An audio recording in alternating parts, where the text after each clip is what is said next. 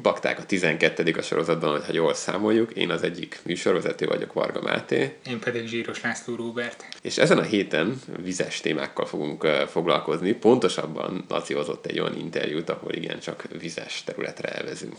Igen, egy vizes mérnökkel, egy építőmérnökkel beszélgettem. Ugye általában az szokott lenni itt az impaktákban, hogy kutatókkal beszélgetünk mindenféle tudományos területről, de úgy gondoltam, hogy esetleg érdekes lehet az, hogy a mindennapi dolgok hogy jutnak el hozzánk, illetve hogy jutnak el tőlünk. Például a víz. Hát ez tulajdonképpen alkalmazott tudomány, hogyha úgy nézzük. De azért hallgassuk meg, hogy mit Hallgassuk meg, Nerpel Balázsjal beszélgettem, aki egy víziközmű cégnél dolgozik. Egyébként részt vett már kivitelezésben, tervezésben, különböző infrastruktúrákkal kapcsolatos munkákban. Lássuk! Kétféle véleményt lehet általában hallani. Az egyik az az, hogy nagyon oda kell figyelnünk az ivóvízkészletre, mert hogy nagyon fogytán van. Az ellenpólus pedig azt mondja, hogy Magyarországon dugig vagyunk vízzel, nagyon jó minőségű vízünk van. Mi akkor az igazság? Hát az utóbbi, tehát az igazság, hogy európai és világviszonylatban Magyarország nagyon jó helyzetben van. Tehát a földrajzi adottságai miatt Magyarország jelentős vízkészlettel rendelkezik. Igaz, hogy sok a vízünk, de azért oda kell figyelni a vízre. Tehát ami a legfontosabb talán, hogy ezt a vízkincset, ezt a vízkészletet megőrizzük, tehát ne szennyezzük, ne szennyezzük el a környezetünket, mert előbb-utóbb a környezetszennyezés hatására ez bejut a vizekbe, és előbb-utóbb ugye eléri azt a vízkészletet, amit ivóvíznek használunk. Korábban beszélgettünk, és akkor mondtad, hogy nagyon nagy mennyiségű a víznek külföldről jön. Akkor mi tudunk tenni valamit a szennyezés ellen? Tehát ha mondjuk az osztrákok összeszennyezik nekünk a Dunát, akkor azzal más nem nagyon tudunk. Na igen, az, abban a szerencsés helyzetben vagyunk, az osztrákok biztos, hogy nem fogják szennyezni a Dunát. Igen, tehát Magyarország vizeinek, ami, ami, ami folyóvizekről beszélünk, ugye itt főleg a Duna Tisza, de még beszélhetnénk egyéb kisebb folyókról is, ugye 97%-ban átfolyik az országon. Tehát tulajdonképpen ami bejön az ország határokon, az majd, hogy nem 100%-osan ki is megy. Tehát magyarul átfolyik az országunkon. Ugye mi az ellen nem tudunk tenni, hogy ami külföldről érkezik, az, az olyan minőségben érkezzen, hogy jó legyen, de alapvetően a Dunán is nagyon komoly beruházások történtek, ugye láss például a, megépült a budapesti központi szennyvíztő telep, tehát tulajdonképpen a Magyarország teljes szakaszán szinte nincs a Dunában semmilyen szennyezett szennyvíz beengedés, tisztított szennyvíz természetesen van. Ugyanígy igaz ez Szlovákiára, Ausztriára egyértelmű és Németországra is. Na most a déli államoknál, tehát a délebre fekvő államoknál, ugye legyen az Bulgária, Románia, Szerbia, stb ott azért akadnak már problémák, de azt lehet mondani például a, a Duna teljes vonala, az tulajdonképpen egy, egy tiszta folyóvíznek tekinthető. Igaz ez a Tiszára is, tehát tulajdonképpen nekünk, ami talán a legfontosabb feladat az, hogy a külföldről bejövő vizeket valahogy meg tudjuk tartani. Tehát legyen az egy tározó, amivel tudunk tározni, a szájos időszakban ugye öntözni, ugye nagy árvizekkor esetleg elvezetni, hogy ne okozzon katasztrófát, tehát településeket ne öntsön el, meg stb. Tulajdonképpen egy vízgazdálkodást kell alkalmaznunk, ami, ami, amiben nagyon sok előrelépés történt az elmúlt években, évtizedekben, de úgy gondolom, hogy jelentősen le vagyunk maradva a nyugati országokhoz képest, legyen az vízi erőmű kihasználtság, stb.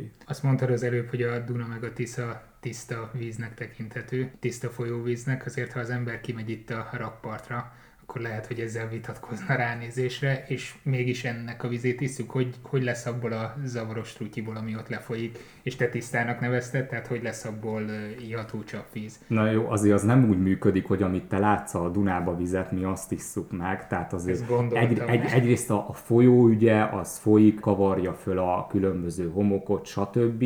Az, amit mi iszunk, jelen esetben itt Budapest és környéke, a Dunakanyar, stb., ők tulajdonképpen egy kutakból kinyert vizet szolgáltatnak, ami ugye több éven, évtizeden keresztül esetleg ülepedik le, szépen a különböző kavicsrétegek mossák át ezt a idézőjelbe Dunavizet, és ez egy megtisztított víz már, amit a kutak tulajdonképpen egy csápos kutakból, főleg itt a, Dunakanyar és, és, és Budapest tehát ellátó Szentendrei szigeten, csápos kútból nyerik ki a vizet. Tehát ez, ez egy nagyon komolyan megtisztuló, a természet megtisztított a vizet iszunk. Tehát nem az van, hogy amit a Dunába folyik, mi azt isszuk, hanem ez egy komoly szűrő, egy természetes szűrőrendszeren keresztül megy végbe az, hogy amit mi tulajdonképpen megengedünk, az egy, az egy tiszta csapvíz mennyire tiszta ez a csapvíz, mert hogy itt is lehet különböző véleményeket hallani. Van, aki eh, nem is hajlandó csapvizet inni, mert mindenféle rém történetek terjengenek, hogy mi minden van benne. Nagyon tiszta, tehát Magyarországon a legkomolyabban ellenőrzött élelmiszernek számít a, a csapvíz.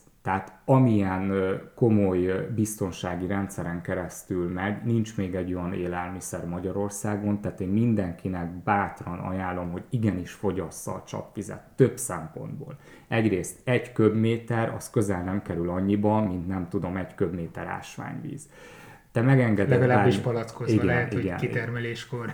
igen, tehát mikor te, te otthon megnyitod a csapot, akkor te tiszta vizet kapsz és azt, azt ne felejtsük el, hogy a, a, ami, ami szerintem nagyon sok emberben tévhit, a csapvízben is van ásványi anyag.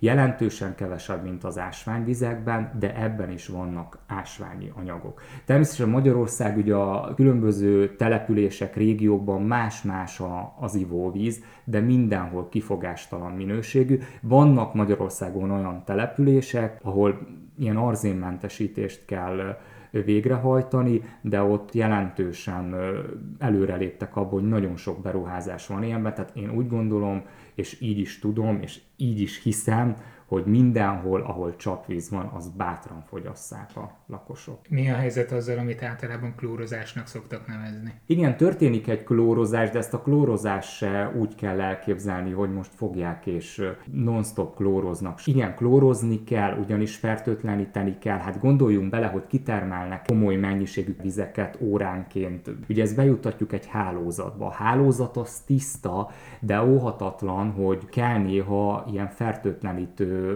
anyagokat adnunk, ami a szervezetre veszélytelen. Ugye a fertőtlenítő szerekben is többféle van, valaki UV-t használ, valaki klorgázt használ, tehát nagyon sok technológia létezik. Igen, valahol egy kicsit jobban lehet érezni, valahol kevésbé, de ez, ez teljesen veszélytelen a lakosság. Azt mondtad, hogy van ez a kétféle módszer, a klórozás vagy az UV. Többféle az UV az van. nem tűnik egyébként biztonságosabbnak? Az egy, az egy újabb technológia. Több, több olyan víziközmű cég van már Magyarországon, aki ezt alkalmaz, azért valljuk őszintén, ez egy nagyon drága dolog. Egyébként ezt az ásványvizekkel is végigcsinálják? Valószínűleg nem, mert az ásványvizet, ahol, ahol kitermelik, ott egyből palackozzák. Én úgy tudom, hogy nem, de azért nagyon sok olyan plegykát hallottunk, és nagyon sok igazság is van ebbe, és most látja, hogy az ásványvízgyártó cégek azok kővel dobálnának meg, de nagyon sok olyan ásványvízgyártó cég van, ahol igenis csak vízzel keverik. De én azt mondom, hogy jók az ásványvizeink, nagyon jók, de én bátran, és tényleg azt mondom, hogy igenis a lakosság fogyassza a csapvizet, mert nagyon egészséges. Van egy ilyen szlogen is, hogy ez bármikor megengedheted magadnak, szó szerint. Jó, azt mondtad, hogy bármikor megengedhetjük magunknak a csapvizet, de azt is mondtad a beszélgetés elején, hogy azért oda kell figyelni rá, hogy használjuk most a vizet, illetve hogy használtuk korábban. Ez ugye a rendszerváltás előtt a a vízhasználatért, tehát a vízfogyasztásért tulajdonképpen semmit nem fizettünk. Ugye nagyon jó szlogeneket hallunk, hogy a dinnyét, a sört azt tulajdonképpen folyó csapvíz mellett hűtöttük nyáron, azért most már ez megszűnt. Tehát most durván Magyarországon teljesen mindegy, hogy hogy most egy falut nézünk, vagy egy, vagy egy főváros, egy gazdagabb település, szegényebb település, alapvetően ha átlagot vonunk, akkor durván a 170 liter per nap a napi vízfogyasztás. Na most ez régen 250-300 liter volt. Ugye manapság az emberek spórolnak már, tehát azért valljuk be őszintén nem olcsó a víz. Vannak olyan régiók, ahol két-háromszoros áron vannak, mint mondjuk akár a főváros. Sok helyen, vidéken is ugye a vízfogyasztást ugye tényleg csak ivóvíz használatra, esetleg fürdésre használják, és ugye a kertet mondjuk az csapadékvízzel locsolják, ami, ami a nyugati országokban egy sokkal jobb kultúrája van ennek, ugyanis a, ők rájöttek arra, hogy most már Magyarországon is egyre jobban kezdenek el, hogy a csapadékvizet igenis használni kell, és gazdálkodni kell vele. Ugye tudjuk jól, hogy a klímaváltozás miatt ugye eléggé megváltoztak a, az éghajlati viszonyok, tehát vannak hosszabb aszályos időszakok, van, mikor leszakad a fél ég, és úsznak a városok, falvak, stb. Tehát igenis meg kell tanulnunk a csapadékvízzel is gazdálkodni. És ezt hogy lehetne megcsinálni? Nagy tározókat építeni, és az elvezető csatornákat úgy megépíteni, hogy oda menjenek be, vagy például mindenki a saját kertjében rak ki hordót, vagy tartályokat? Hát több modell van, ugye létezik a lakosság is, amikor akár egy családi házba, egy ciszternába gyűjtik a csapadékvizet, és abból történik a kertlocsolás, autómosás, stb. Léteznek ezek nagyobb tározókban is, ugye akár egy településnek mondjuk több helyen a burkolt felületről összegyűjtik, és azzal locsolják a parkokat, esetleg iskolák, tehát különböző közintézmények. Erre rengeteg módszer van, rengeteg számítás van, rengeteg tanulmány készült. Na most Magyarországon nem úgy működik, mint Ausztriában, mert például Ausztriában az, hogy valaki csapadékvizet enged be egy csatornába azért kőkeményen fizetni kell. Magyarország még nem tart itt, előbb-utóbb szerintem el fogunk arra jutni, hogy itt is igenis fizetni kell azért, hogy, hogy csapadékvizet juttassunk a csatornába, ugye azt esetleg meg kell tisztítani. Erre hogy... sokan azt mondanák, hogy na hát a csapadékvíz az tiszta, akkor miért nem mehetne a csatornába? Igen, tiszta, csak hogyha úgy engedjük bele a csatornába, mondjuk egy egyesített csatornába, ahol a csapadékvíz és a szennyvíz is fut, ez jelentős terhelés jelent a szennyvíztó telepre, és ez jelentős költségekkel jár, hogy a kevert szennyvizet, tehát a szennyvíz és a csapadékvíz kevertjét megtisztítsuk. Tehát ez nagyon komoly költségekkel jár. Tehát azért van az, hogy a szennyvíztisztó telepre próbáljunk meg minél kevesebb szennyvizet juttatni, hogy ugye kevesebbe kerül a tisztítás, tehát kevesebb mennyiséget kell adott esetben megtisztítani, és a jó minőségű, idézőjelben jó minőségű csapadékvizet azt igenis használjuk locsolásra, nem tudom, különböző kerti szerszámok tisztítására, automosására, stb. Mondtad, hogy burkolt felületről való vízelvezetés, ez azt jelenti, hogy a csatornába folyik le ezekbe a lyukakba Igen, tehát, tehát vannak ezek a víznyelő nyílások. Többféle modell van Magyarországon, ugye van az egyesített rendszer, mikor a szennyvíz csapadékvizet az utcáról egybevezetik, vannak az elválasztott rendszer, és ennek vannak különböző variációi még. Pont erre akartam rákérdezni, hogy például Budapesten, amik vannak, azok egyesítettek, vagy külön vezetik el a csapvizet valahova. Engem az érdekelne igazán, hogy az a víz, amit már nem látok, az hova jut el. Budapesten úgy működik, hogy többféle rendszer van, szinte majdnem minden rendszer megtalálható. Van egyesített is, elválasztott is, azért a, a belváros és környéke alapvetően elválasztott rendszerrel működik. Ha valaki megfigyeli, például járkál a rakparton, és megnézi a partfalat, nagyon sok kis nyílás van. Uh-huh. Azokból a nyílásokból jönnek ki a csapadékvizek, tehát főleg a budai részen, de akár a pesti részen is. Tehát alapvetően... És ez közvetlenül mindenféle tisztítás szűrés nélkül? Szokott lenni egy tisztítás, tehát egy ilyen, egy ilyen mechanikai tisztítás, hogy a nagy falevelek, esetleg ágak, stb., ami bemosódnak, azok nem menjenek ki de alapvetően igen, azért nyugati országokban már a csapadékvizet is valamilyen szinten tisztítják, minimálisan. Ugye azért ne felejtsük el, az, a burkolt felületről, az utakról azért van olajbemosódás, stb. Tehát ugye az, mint az autók ugye ott hagynak, és ugye az alapvetően nem kéne, hogy a természetes rendszerbe, tehát vízfolyásokba bekerüljön. Vannak erre már azért elég komoly technológiák, hogy ne kerüljenek bele.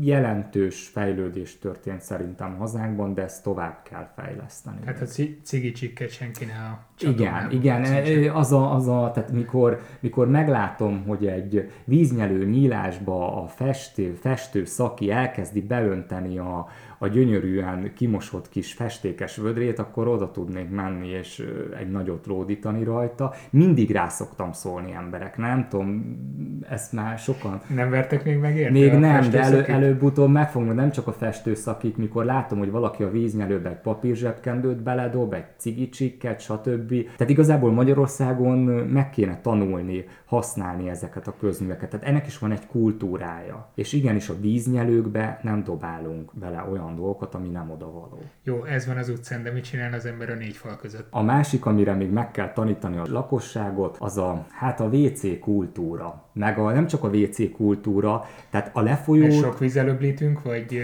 Ne, hát nem is az, hogy sok vízzel öblítünk, én nem, nem ezt nevezném problémának. Tehát az, hogy amikor a WC-t rendeltetésszerűen kéne használni. Tehát igenis azt arra használjuk, hogy az emberi ürülék abban távozik el. Nem dobálunk bele használt óvszert, nem dobálunk bele pelenkákat, tehát amiket tényleg nap mint nap látunk, hogy mik, mik érkeznek a szennyvízszó telepre. Például Aténba egy kis polszki érkezett meg a szennyvízszó telepre. Ugye most azért úgy kell elképzelni, hogy amikor már összegyűlik, akkor már nagyon nagy átmérőjűek, tehát kettő, kettő és fél méter átmérőjűek, tehát abban lazán elfér. De fél bicikli, sőt, Magyarországon olyan is volt, hogy fél disznó érkezett. Tehát ugye bemosódnak, nem tudom, de, de alapvetően tényleg a lakosságnak oda kéne figyelni, hogy azt a WC-t, azt ne úgy kezeljük, mint egy szemetes, tehát bármit beledobálhatunk és lehúzzuk, hanem tényleg rendeltetésszerűen használjuk. De ez igaz a tisztelt háziasszonyokra is, mikor vasárnap a rántott húsit kisütik a jó kis olajba, és utána az egészet egy az egybe benyomják a lefolyóba.